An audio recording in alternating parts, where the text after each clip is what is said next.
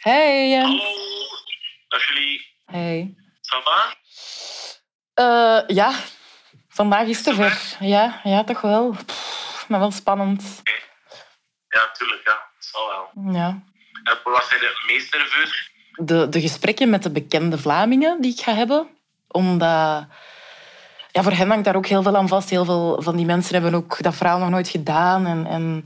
Dat gaat natuurlijk voor iedereen even een, uh, een drempel zijn hè, om, om over zoiets iets zo persoonlijk te praten. En het is misschien ook goed dat je er kunnen aan beginnen dat dat ook gewoon puur dan voor u, uw proces ook weer een hoofdstuk is dat, dat dan afwerkt is. Maar dat je ook dan weer iets zinvols mee hebt kunnen doen. Want het is uiteindelijk ook een beetje de doelstelling om Mm -hmm. groot verdriet om te buigen naar toch tenminste iets constructiefs of iets dat voor iemand iets betekent. Dus uh, ik vind het wel chapeau over wat dat je gaat doen. Dank u, dank u. Ik heb dit, gesprek, ik heb dit gesprek opgenomen. Dat is trouwens oké, toch, of niet? Dan moet je dat niet technisch gezien op voorhand vragen eigenlijk, voordat ik hier zo Nee. in de val word gelokt. Nee, want wij zijn vrienden. Oké, ja, dat, dus dan moet je eigenlijk ook niet vragen, dan gaat het toch wel oplukken. Ja, het gaat er mee Oké. in. Allee, nee, serieus. Eh, zet hem op, hè. Dank u, merci. Toi, toi, courage. Jens en Donker. Bye. Bye. Ik ben Julie van den Steen en ik ben 1 op 6. Hallo. Hallo, dag Julie. Hey, dag Freya. Julie, je hebt contact opgenomen met mij na een doorverwijzing met jouw arts. Ja, nee, dat klopt. Ehm, deze zomer heb ik ontdekt dat ik eh, zwanger was. En dan 18 juli, dat ik nooit meer vergeten, ehm, kreeg ik dan te horen dat ik het niet meer was. Of ja, dat het hartje was gestopt met kloppen. Dat was ook het enige waar ik mij dan aan kon optrekken, omdat ik al twee keer wel een hartslag had gehoord. Je hoorde me zo net voor de eerste keer praten over mijn zwangerschapsverlies tegen Freya. Dat is een vroedvrouw die gespecialiseerd is in verlies. Want het gebeurt bij 1 op 6. Dat zijn de officiële cijfers. Sommigen spreken zelfs over 1 op de 3 vrouwen, omdat niet elk verlies wordt vastgesteld bij de gynaecoloog. Ik ben dus lang niet de enige die zich al zo verloren en alleen heeft gevoeld. En soms voel ik me nog altijd zo.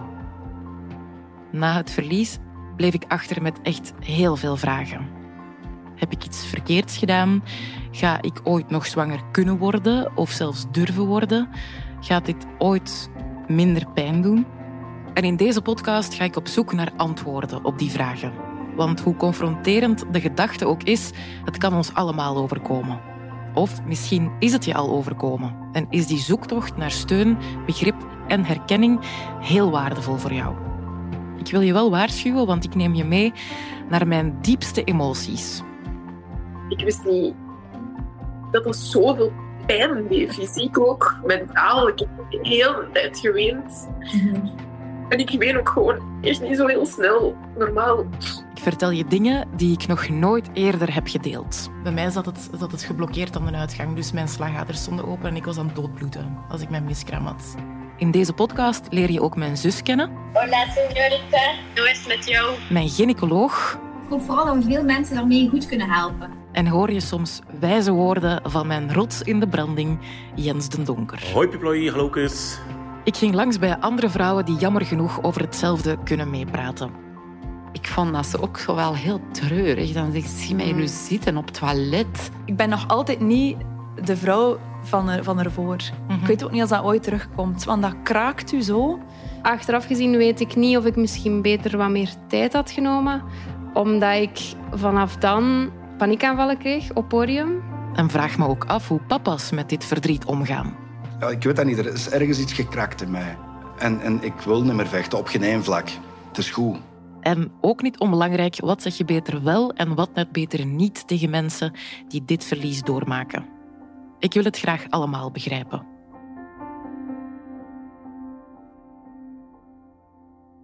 Om te begrijpen waarom ik deze podcast maak, moet je weten wat er op 23 november 2022 is gebeurd.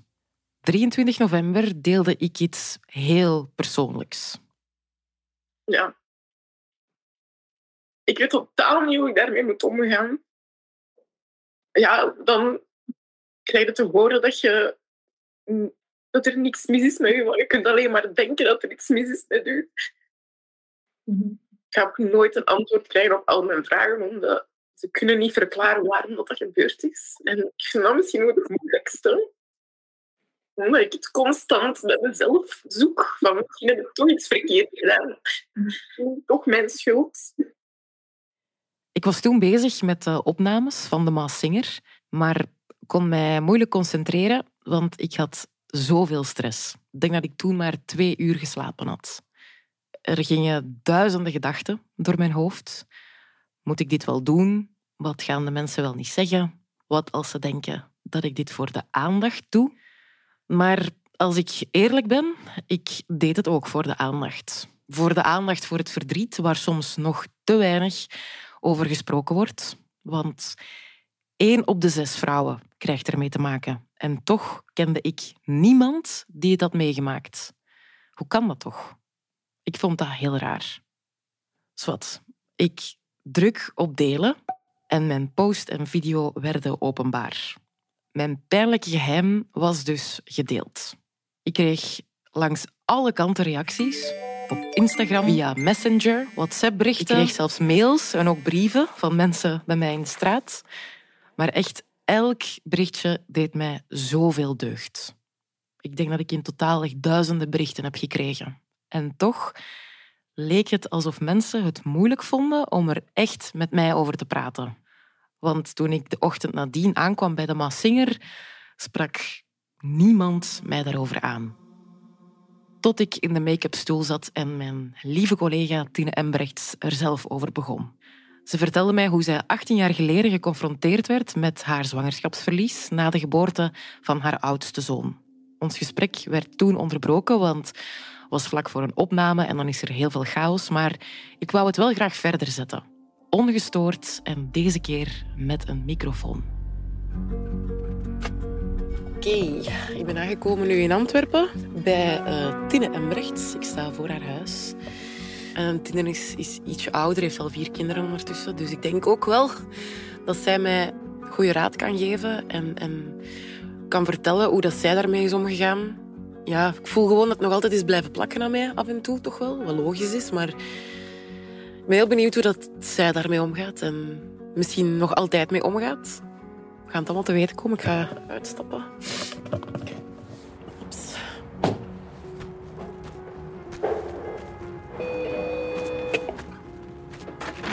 Hi! Hallo. Welkom voor Grauw. Ja, dank u, dank u. Kom binnen, kom Wauw, wauw, wauw. Zoveel namen op je deurbel ook, zeg. Ja, ja, ik heb een groot gezin, hè.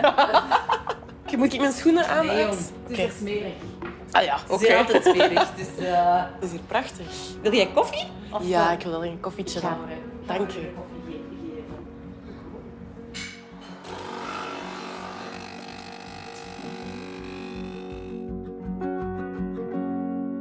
Oh, ik voel me al helemaal thuis. Hey, voilà, nu weten wij wonen. Ehm, ik wil u vooral bedanken dat ik hier mag langskomen. Want uw reactie toen ik het had bekendgemaakt met Nieuws in november, ehm, dat heeft mij super hard gepakt. Omdat, ik weet niet of je ervan gaat verschieten of niet, maar jij werd de enige die mij daarover aangesproken heeft op dat moment. Hè? Ja. Ja, echt zo in persoon, hè? Ah ja, ja want ik, ik weet, hè, jij hebt dat gedeeld en ik was daar, ik was daar ook door ontroerd.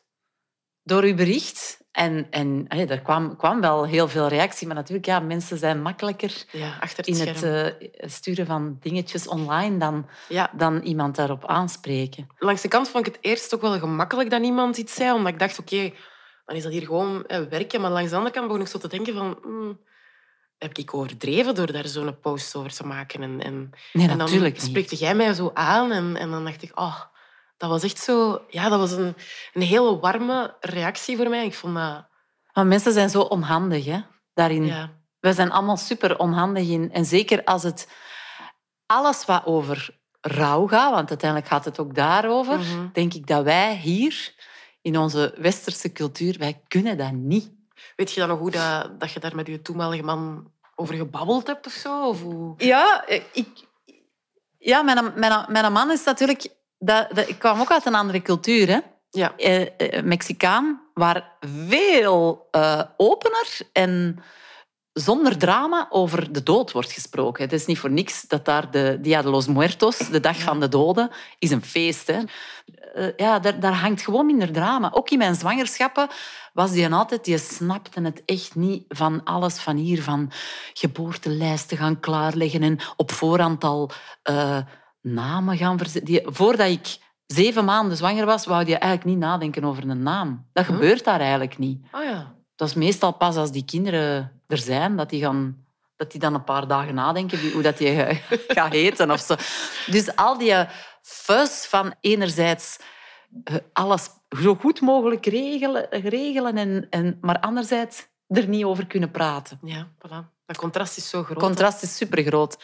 Was dat bij u dan 18 jaar geleden ja. dat het gebeurd is? Ja. Als dat bij u was gebeurd, had jij dan het gevoel van Allee, waar je erop voorbereid? Of, of nee, wist jij dat dat maar kon... ik denk dat dat, over, dat dat gaat ook...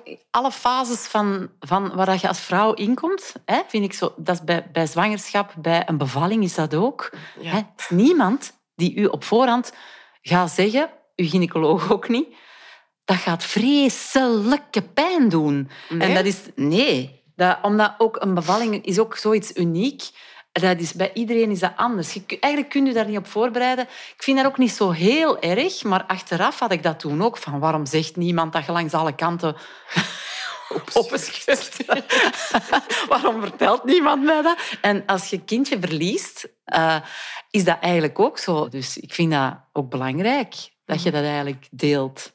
Hoe meer dingen dat bespreekbaar worden, hoe beter, toch? Exact. En ook voor jezelf, want je zat of zit nog steeds in een verwerkings proces. Ja. Ik denk, moest dat bij mij mijn eerste kindje geweest zijn, dat dat, dat, dat een veel zwaarder verwerkingsproces was geweest. Ik was ook heel verdrietig hè? en dat heeft, mij ook, uh, dat heeft mij ook wel een tijdje gekost, maar ik denk, ja, ik voelde mij wel goed ondersteund of zo. Waardoor ik daar redelijk snel denk ik, dat is ook lang geleden. Hè? Mm -hmm. Ik heb dat wel, denk ik, snel een plek kunnen geven. En ik heb daarna nog drie gezonde kinderen gekregen. Dus daardoor is dat voor mij ja. een heel ander verhaal. Het gesprek met Tina is nog maar net begonnen en ik moet meteen denken aan afgelopen zomer, toen ik ontdekte dat ik zwanger was. Het was een onverwachte zwangerschap, maar in mijn geval klopte het cliché Onverwacht betekent niet ongewenst. Ik word mama. Dat maakte mij supergelukkig, maar ook gewoon echt doodsbang. Ik wou echt alles juist doen en ik was obsessief bezig met alle regeltjes rond zwangerschap en ik googelde alles. Maar echt alles. Mijn Google-zoektermen zagen er toen zo'n beetje uit. Hoeveel koppen koffie mag je drinken tijdens de zwangerschap? Wat mag ik eten? Wat mag ik niet eten? Wanneer weet je of het kindje gezond is of niet? Mag ik mijn medicatie voor mijn blaasontsteking nog nemen? Mag ik dat wel gaan nemen? Wanneer stopt eindelijk die ochtendmisselijkheid? Ik vraag me af of dit herkenbaar is. Daarom hoor je in deze podcast ook ervaringen van onbekende mensen die ze hebben achtergelaten op onze podcast Voicemail. Ja, ik heb daar eigenlijk niet echt kunnen van genieten, want ik ben dan zo'n persoon die alles begint op te zoeken op internet. Dat zal nu 51 jaar geleden zijn. Ik had eigenlijk geen handleiding voor niks. Hier of daar een boek, maar, uh, maar veel meer hadden niks. Dat was echt veel simpeler. Alle boeken dat er beschikbaar waren, die, die wou ik hebben gelezen. Terwijl dat, dat totaal niet nodig is en je, je best gewoon relaxed bent en, en, en verbinding zoekt met, met je baby. Uh, ik was niet echt bezig met voeding. Wel ja, geen alcohol natuurlijk. Maar voor de rest was dat gewoon verder leven. Ik vertrouwde helemaal op mijn lichaam. Ik begon plots super gezond te eten. Alles wat groen was, at ik op. Ik sportte ook heel veel, want ik wou in topvorm zijn voor die baby. Het was bijna een marathon. In mijn hoofd zat echt op dat moment... Je krijgt een miskraam als je verkeerde dingen eet of doet. Maar daar was mijn gynaecoloog, Sarah van den Bergen, het niet mee eens. Er zijn heel veel misvattingen rond zwangerschapsverlies en uh, rond zwanger zijn. Hè. Een van de belangrijke misvattingen is onder andere uh, stress. Uh, stress is uiteraard niet goed, maar stress gaat een zwangerschapsverlies of problemen in zwangerschap niet gaan uitlokken. Daarnaast sport bijvoorbeeld is ook zo eentje. Mensen zijn bang om te sporten of durven niet meer sporten. Sport is net belangrijk, is net goed. Ook belangrijk voor de zwangerschap, voor de bevalling. Je gaat veel vlotter bevallen als je fysiek actief bent. Dus sporten moet je zeker niet laten. Um, en daarnaast bijvoorbeeld ook zo de typische... Ik heb eentje gedronken, ik wist nog niet dat ik zwanger was. Nee, dat één uh, drankje of die paar drankjes gaan er zeker niet voor zorgen dat het, uh, dat het misgaat. Het is belangrijk om de misvattingen de wereld uit te krijgen. Dus praat over met je hulpverlener, durf vragen stellen, durf die dingen aankaarten, zodat we echt niet meer um, moeten bang zijn of ongerust zijn dat we dingen misdoen. Voor mensen die op zoek zijn naar, naar extra informatie, naar betrouwbare informatie, er zijn een aantal websites bijvoorbeeld, hè, eh, overheidsgesteunde websites, zoals gezondzwangerworden.be, wat je vooral niet moet doen, is het gewoon in Google intypen, want dan vinden duizend en één antwoorden, fora, uh, adviezen van mensen. Goed bedoeld, maar niet betrouwbaar en vaak ook niet correct. Ik moet aan Sarah toegeven dat ik daar schuldig aan ben. Ik verloor mezelf echt in onbetrouwbare blogs en fora. En ik speel zelfs nu nog altijd met de gedachte dat ik iets verkeerds heb gedaan. Ik kan dat echt heel moeilijk loslaten.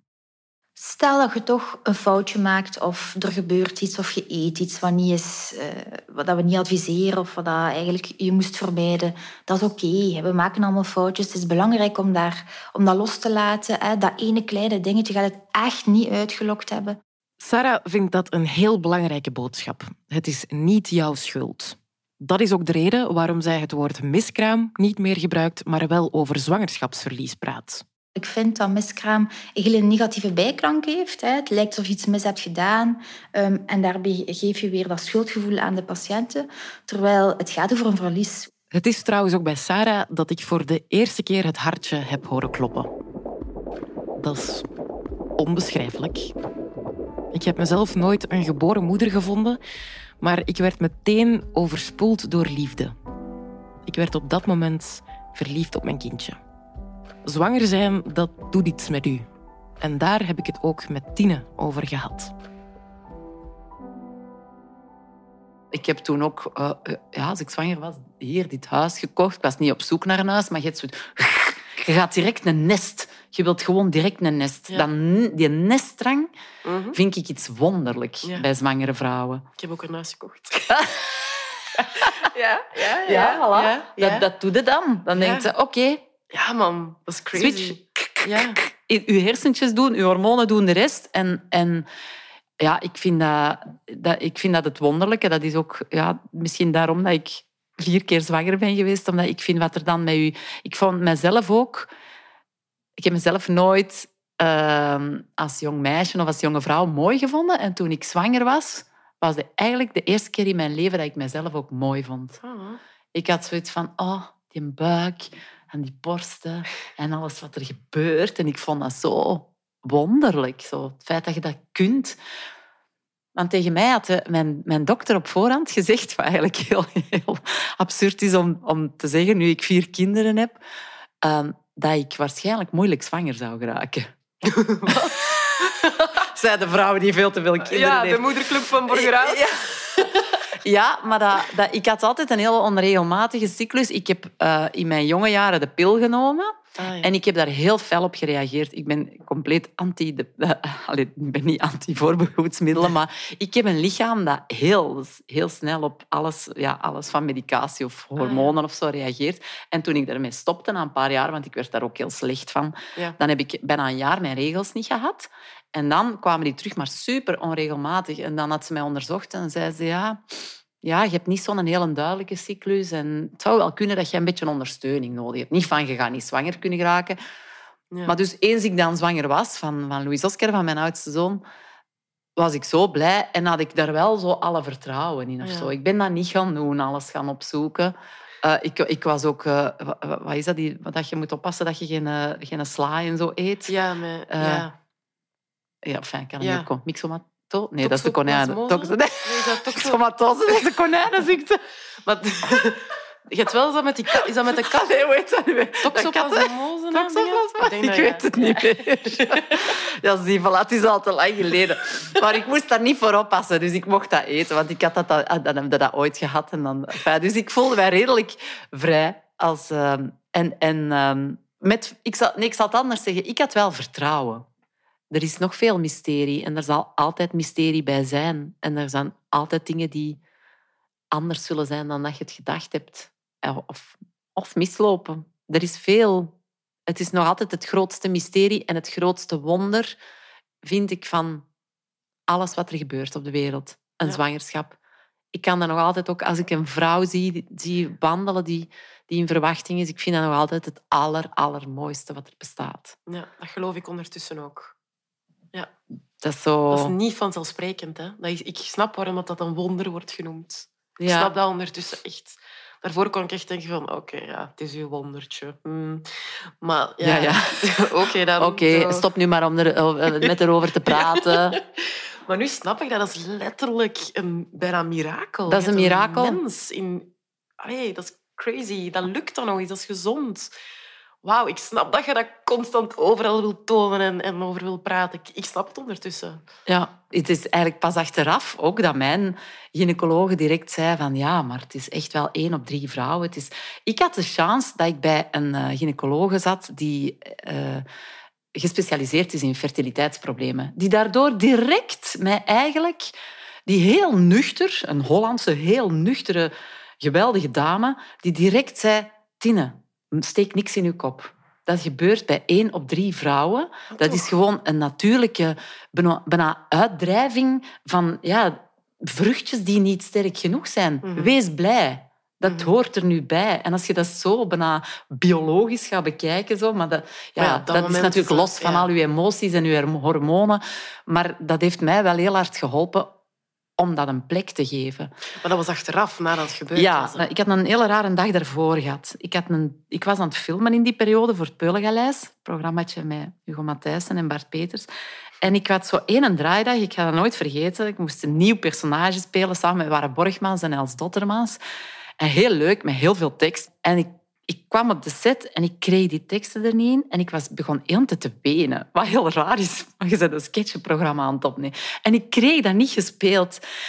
En ik dacht toen, ja, ik heb toen 's middags tegen Stijn Konings, de regisseur, gezegd: zegt, Ja, Stijn, sorry, ik, ehm, ik denk dat dat is omdat ik in verwachting ben. Ik had dat eigenlijk nog niet aan collega's gezegd, maar ik dacht, ik ga dat vertellen, dat ik in verwachting ben. Misschien, maar ik weet niet wat er met mij aan de hand is, maar het lukt mij vandaag gewoon niet. En ik denk dat ik de dag erop of twee dagen daarna had ik een controle bij, de, bij mijn gynaecoloog. En eh, daar heb ik dan te horen gekregen van ja, het hartje klopt niet meer. Dus het is, het is, eh, het is gestorven, het kindje. Dus eigenlijk die een dag van die opnames, zei mijn dokter toen, was waarschijnlijk de dag waar het kindje dan of gestorven is eigenlijk. Dus, en wat gebeurt er dan? Dat, dan heb je een onmiddellijke, een onmiddellijke zakking van al je hormonen. Dus al die zwangerschapshormonen, die, Ja. als dat kindje afsterft, dan, boef, dan zakt dat direct. Dus je bent compleet van, van de kaart. Dus dat was dat. Dus, en ik kan maar zeggen, ja, ik ben zwanger. En, Oh. en het was eigenlijk op dat moment was het omgekeerde aan het gebeuren. Terwijl Tine dus niet vermoedend naar de gynaecoloog ging, was ik wel al wat ongerust, want een paar weken na mijn eerste echo gebeurde er iets onverwachts tijdens het werken. Ik had bloedverlies, dus ik begon mij toch wel wat zorgen te maken, omdat ik al veel verhalen had gehoord waarbij bloedverlies een slecht teken was. Ik, ging naar het toilet, dat bloedverlies, en dat was paniek. Zelfs geen speciale buikpijn, niet dat ik mij herinner. Dus gewoon, oei, wat is dat? De eerste keer heb ik gewoon gezien op het toilet dat mijn vriendin zijn, want er is iets niet juist. Ik voel dat het zichzelf aan ja, losmaken is. En wat ik ook altijd had, dus niet enkel bloedverlies, maar altijd koude rillingen. Na acht weken kreeg ik het nieuws dat het, het vruchtje dat het niet meer verder eh, gegroeid was. En dan denk ik één of twee dagen nadat ik het nieuws had gekregen, dan ja, werd ik ook ongesteld. Dus ja, dan, dan was het voor mij echt eh, een teken. Ik wist eigenlijk totaal niet wat ik moest doen op die moment. Dus ik belde naar mijn gynaecoloog. En zij vertelde me dat ik me geen zorgen moest maken bij bruin bloed. Het zou pas erg zijn als het helder rood zou zijn. Dus ik dacht, ik ga nog even wachten met naar de gynaecoloog te gaan. En het was ook weekend. En maandag had ik een niptest gepland ook bij haar. Dus ik was even gerustgesteld. Ik dacht dat ik mij geen zorgen moest maken. Maar de buikkrampen werden toch intenser. Dus ging ik voor de zekerheid naar de spoedafdeling in het ziekenhuis. Daar werd ik geholpen door een andere gynaecoloog die ik niet kende. Zij nam een echo en brak de stilte met de woorden: Ik vrees dat ik slecht nieuws heb. Op dat moment uh, besef je ook als hulpverlener dat iemand uh, zijn wens of zijn, zijn toekomstdroom hè, uh, ja, afneemt. Hè, en, en, moet zeggen, het is niet zo en het zal niet zo zijn. Dus ja, voor ons is dat ook altijd moeilijk om, om iemand slecht nieuws te brengen en, en die boodschap te moeten meedelen. Mijn vriend kneep super hard in mijn hand. Ik voelde mijn benen niet meer op dat moment. Mijn gehoor werd zelfs een klein beetje doffer en ik bleef denken dat kan niet. Kijk toch nog maar eens. Maar het verdikt volgde heel snel. Het hartje was gestopt met kloppen. Waarschijnlijk kort na de vorige echo. Vanuit de opleiding hebben wij um, wel geleerd om slecht nieuws te brengen. Dat het voornamelijk belangrijk is om rechtuit de boodschap te brengen, te zeggen waar het op staat. En daarna is het vooral belangrijk, denk ik, om een luisterend oor te bieden en gewoon er te zijn, de stilte er te laten zijn. En als de patiënt er klaar voor is, dan verder gesprek aan te gaan um, en verder zaken te bespreken. Maar natuurlijk is slecht nieuws brengen naast het technische wat je geleerd hebt ook iets persoonlijk. De ene persoon zal dat makkelijker kunnen brengen, zal daar beter mee kunnen omgaan, zal daar dieper in kunnen gaan in dat slecht nieuwsgesprek dan de andere. Ook een van de moeilijkheden, vind ik zelf, vind het wel jammer, is dat wij ook maar een beperkte tijd hebben per patiënt. Dus op het moment dat je slecht nieuws moet brengen, ja, um, probeer je daar wel voldoende aandacht aan te besteden. Maar ben je natuurlijk wel een beetje beperkt. Hè? We hebben ook bevallingen, operaties, andere zaken op onze agenda. Dus we kunnen daar niet heel erg veel, heel erg lang in doorgaan. Waardoor de patiënten soms het gevoel krijgen dat het wat onpersoonlijk was en dat het wat snel moest gaan en dat ze niet voldoende tijd hebben gehad om, om al hun gevoelens en, en al hun gedachten op tafel te leggen. Ik vind het zelf heel fijn en belangrijk om dan te kunnen doorverwijzen naar iemand die daarin gespecialiseerd is, die daar ook een stukje mee kan helpen en mijn taak een klein beetje kan overnemen. Zoals bijvoorbeeld een vroedvrouw die gespecialiseerd is in rouw, in verlies, in trauma. Ehm, en mij dan even kan ondersteunen in die verdere begeleiding. Daarom verwees Sarah me door naar Freya. Met haar sprak ik voor het eerst over dat pijnlijke moment. dat was het laatste wat ik aan te horen. En vanaf dat ik die zin heb gehoord, heb ik zo gewoon maar flarden gehoord. Maar het is ook niet zo lang, de, de dokter is niet zo lang in het leven dan. Ik weet alleen omdat ze dan haar handschoenen heeft afgedaan. En dat we dan, ja, dan moest ik naar het toilet en dan heeft ze ons een uitgang getoond en gezegd dat, er, eh, dat het beter is om een spontane miskraam te krijgen.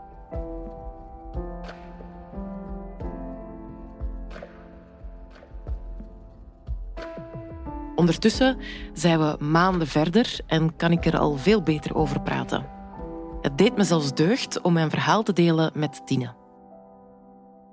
Heb jij echt gevoeld dat, je, dat je het verloor? Zondagochtend zijn we naar het spoed gegaan. Dan was het ook mijn allereerste... Die zei, we gaan nu een echo doen op je buik. Dus daarvoor was het ja. inwendig. En ik vond dat al zo... Oh, we gaan het eigenlijk eens op mijn buik doen, zoals in de films, met zo'n gel. Ja, ja. Uh, dus, en ik was nog altijd ervan overtuigd dat dat allemaal in orde was, want ik voelde mij zwanger. Ik was nog altijd zo misselijk en ik had datzelfde gevoel. Totdat ze dan zei van, um, ja, ik vrees dat ik slecht nieuws heb. En dat was echt zo... Ik kon maar niet geloven. Mm. Um, dan, uh, ja, dan, dan is het oké, okay, het moet spontaan gebeuren. Het liefste, dat hebben ze het liefste ja. natuurlijk. Hè. En dan zijn we naar de zee gegaan. Omdat het was hittegolf. We gingen naar de zee om ook gewoon zo even niet thuis te zitten. Um, en dan hebben wij constant sorry gezegd tegen elkaar. Ik vooral zo, sorry, oh. sorry dat ik dat niet kan. Sorry dat, ik, dat, dat mijn lichaam... Want ik voelde echt mijn lichaam... Of ik heb mijn lichaam gefaald of, of andersom. Mm. Dan begon mijn bloedverlies heviger te worden. En dan die avond weeën. Echt zo contracties. Hè. Zo echt ja. roepen van de pijn. Dan waren er nog complicaties. Dat was um, dat vruchtje was blijven steken aan de uitgang. Want allee, dat wisten we dan achteraf. Ik ben het nu te snel aan het vertellen, maar ehm, ik was bewusteloos omdat ik te veel bloed had verloren. Mijn vriend heeft mij naar het spoed gebracht. Daar zeiden ze van, slagader staat open, het vruchtje blokkeert van uitgang, maar daardoor verliest ze constant bloed. Ja. En je had echt niet langer mogen wachten, want anders was zij er ook niet meer. Oh, Jesus. Ja, dus dat was zo traumatisch. Dat, dat was echt heftig. Mm. Ehm, maar het heftigste vond ik dan zo het, het moment dat ze dat er dan uithalen en ze zeggen dan moet het zien en we zeggen nee, we willen het niet zien. Ze laten het dan toch zien. Je ziet, allee, dat beeld zie ik nog altijd voor mij. Heb jij dat gezien? Of dat bij? Nee, bij mij is het rare dat... allee, ik, heb dat Goh, ik heb dat niet echt gezien, maar bij mij heeft dat echt lang geduurd. Dus dat is niet de dag zelf of de dag daarna, maar dat heeft echt meer dan een week. Ik, ik, weet het niet meer juist, maar was, er, is, er staat een maximumperiode op. Hè, en dan zeggen ze, als dat niet komt, dan, dan moeten we zo een curettage doen. Is dat twee weken of zo? Ik weet het niet. Maar in mijn herinnering was het tien dagen of zo dat dat, dat geduurd heeft voordat dat Maar kwam. jong, En ik vond dat, dat heftig, omdat... dat is heel heftig. Allee, je denkt heel dat er zit een dood Ja, in mij. ik vond dat... En allee, los van het feit dat je dus eigenlijk super verdrietig bent, is dat ook een compleet absurde situatie. En denkt je effectief van, dit vind ik verschrikkelijk. Ik wil Mm. dat dat eruit is. Ik wil... Dus eigenlijk op het moment dat dan dat kindje eruit kwam, ik zat hier boven op het toilet. Bij mij is dat echt gewoon zo op het toilet. Zo, ja, een soort Ja. gigantische prop, inderdaad, met met weeën. Ik denk misschien iets minder dan wat jij vertelt. Zo, ja, het is natuurlijk drie weken verschil, dat is nog kleiner. dat- Maar dat voelde zo als echt zo, ja, die lage rugpijn van je, van uw regels en zo toch wat krampen. En ja, ik vond dat ze ook zo wel heel treurig. Dan zeg ik, zie mij nu Mm. zitten op het toilet. Eigenlijk zo gewoon je kind... Ik, ik denk het wel. Ja. Ik, ik herinner het me niet meer zo, maar ik denk dat ik alleen was. Ehm, maar het was heel dubbel, want ik was op dat moment, ik had dan al wel hè, een paar dagen gehad om, om, om terug aan dat idee te winnen van oké, ja, wacht dus niet. Eh, dus ik was, op, ik was wel blij dat dat eruit was of zo. Ik vond dat een heel ongemakkelijk gevoel. En eh, ja, daarna, ik heb daar tijd voor nodig. Hè. Ik kan dat nu, met alle rust, kan ik daarover praten. Dat is al lang Mhm. geplaatst. Dat heeft, eh, ja, maar ik, ik ben wel slordige twintig jaar ouder dan, dan jij. Dat zou je Dus niet ja, zeggen op beeld. Nee. uh, maar goed, dus nu... Ik, mijn leven heeft ondertussen... Ik heb al andere uitdagingen ook gehad of zo, maar, maar ja, dat kost tijd. Mhm. En je moet die tijd ook nemen om, om, om dat een plekje te geven. Ik heb zo'n beetje het gevoel als ik met u babbel, dat je zo mijn oudere, wijzere zus bent. Ik ga er meer langskomen. Dat is goed. Ik wil dat graag zijn. Ja, dat is, maar ik vind dat geweldig. Allee, ik weet niet of je het beseft, maar het heeft veel voor mij persoonlijk alleen al. Het, het, het, is, het is in mijn verwerking echt super waardevol om deze gesprekken te hebben. Ik ben nu vijf maanden na het aankondigen en rond mijn aankondiging ben ik dan pas eigenlijk naar mijn perinatale counselor gegaan als een vroedvrouw die dus specifiek ehm, met dit soort verlies en verdriet omgaat. Maar het heeft wel heel lang geduurd, dus eer ik die stap heb gezet. Dus jij bent nu 18 jaar verder. Mhm. Herinnert jij je het moment dat je voelde van nu kan ik daar zo, zo bijna gelaten op terugkijken van... Het, het, het- allee, ja, dat je daar rationeel op kon terugkijken. Eigenlijk. Herinnert jij dat kantelmoment zo? Of, Ga, ehm, of wat dat er herinner ik. geholpen heeft? Ja, ik weet, bij mij was dat in het begin van de zomer dat dat gebeurd is. Het was denk ik eh, mijn laatste draaidagen. Dus ik had ook een periode dat ik niet werkte daarna. Ik ben niet, da- niet, niet lang daarna met, met mijn man en mijn zoontje op reis vertrokken. Ik denk dat dat mij ook sowieso wel geholpen heeft. Dat ik, dat ik, ik had tijd. Ja. Ik moest niet direct ergens gaan presteren. Ehm, en wat, ik weet niet, niet... Ik heb daar nu eigenlijk zelf nog niet over nagedacht, maar is dat nu toeval of niet? Vanaf de zwangerschap daarna, vanaf Emilio, heb ik eh, mij ook in al mijn zwangerschappen laten begeleiden door een zelfstandige vroedvrouw. Ik heb eigenlijk al mijn bevallingen daarna met een zelfstandige vroedvrouw gedaan. Wat ik sowieso al heel bijzonder vond, omdat je je dan beter begeleid voelt. Ik vond dat een heel fijne, noodzakelijke ondersteuning. Omdat je dan nu zelf zegt van ik ben ook naar iemand aan het, aan het gaan die mij daar wat in begeleidt. Dat was voor mij heel waardevol. Ik heb dat eigenlijk daar nooit aan gelinkt, maar nu dat, nu dat we het erover hebben, denk ik, ah, waarschijnlijk heeft dat er wel iets mee te maken. Ik vind dat zo belangrijk dat je goed begeleid wordt en dat je het vertrouwen krijgt. Wees, vertrouw er maar op. En oké, er kan altijd iets misgaan, maar dat heeft geen enkele zin om, om dat stemmetje in je hoofd te laten overnemen. Maar ja, er kan altijd iets misgaan. Dat is Ja. waar.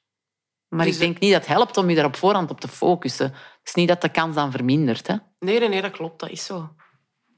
Uw oudste zoon is 19, hè? Ja. Heb je dat dan ondertussen ook verteld? Of, eh, dus je hebt Gaston, Emilio...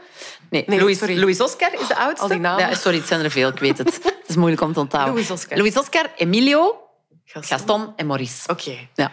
En heb je dat verteld tegen hem, bijvoorbeeld? Dat er tussen eh, Louis Oscar en Emilio? dat er daar ja, eigenlijk nog iemand Tussen zat. Ik denk dat ik nooit verteld heb. Nee? Nee. En is daar een specifieke reden voor? Of gewoon... Eh, mijn kinderen zijn op de, eh, ja, in deze fase van hun leven niet zo heel geïnteresseerd in hun moeder. dus ik zal dat gesprek wel eens voeren. Maar eh, ik heb eigenlijk ook nog maar zelf onlangs een gesprek gehad met mijn vader waarin hij mij vertelde dat, dat, dat het ook niet zo vanzelfsprekend was dat ik er gekomen ben. Oké. Ja, heb ik dus nu op mijn 47 nu pas gehoord van dat dat wel een onderwerp was bij hen. Dat ze heel lang getwijfeld hebben en dan allee, uiteindelijk dan toch een... Ah, om ik vond dat kinderen te krijgen dan? Ja, om, om nog een derde kind te maken. Ah, ja, ja, ja, ja. Ah, ja, omdat je de jongste bent. Ja. Ja. Omdat ze toen zo ja, iets hadden van, ja, nee, we hebben er al twee en we willen nog dat en dat doen. En eh, dat vond ik eigenlijk ook grappig. Ik dacht, amai, moet ik dat op mijn leeftijd horen? Dat het, dat het eigenlijk echt een, een onderwerp was toen. Grappig. Dus, Ja? dus ik moet misschien zelf niet zo lang wachten om, eh, om ja, dan tegen wel. mijn kinderen te zeggen wat er gebeurd is. Nee, op zich denk ik, is het ook voor hen goed om te weten, want we hebben het hier heel de tijd over vrouwen. Ik heb alleen maar jongens in mijn leven. Ik alleen maar zonen.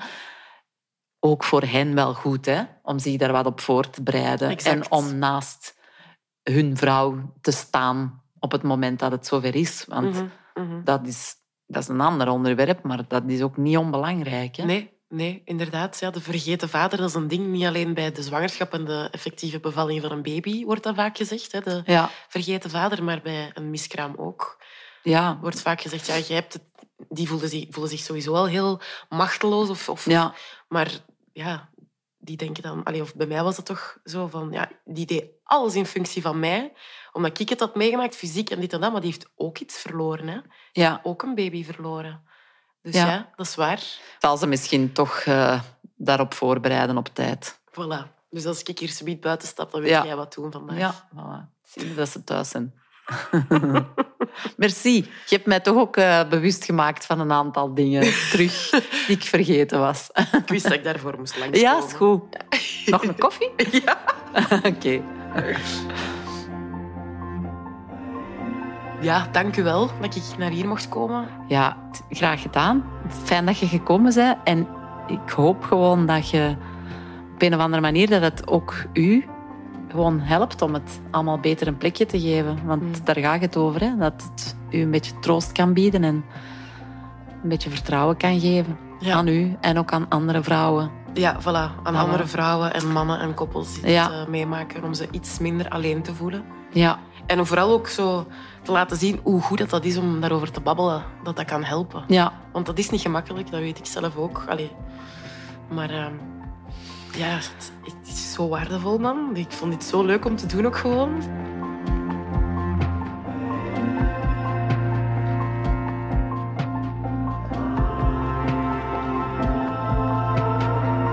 Voilà, dit was de eerste aflevering.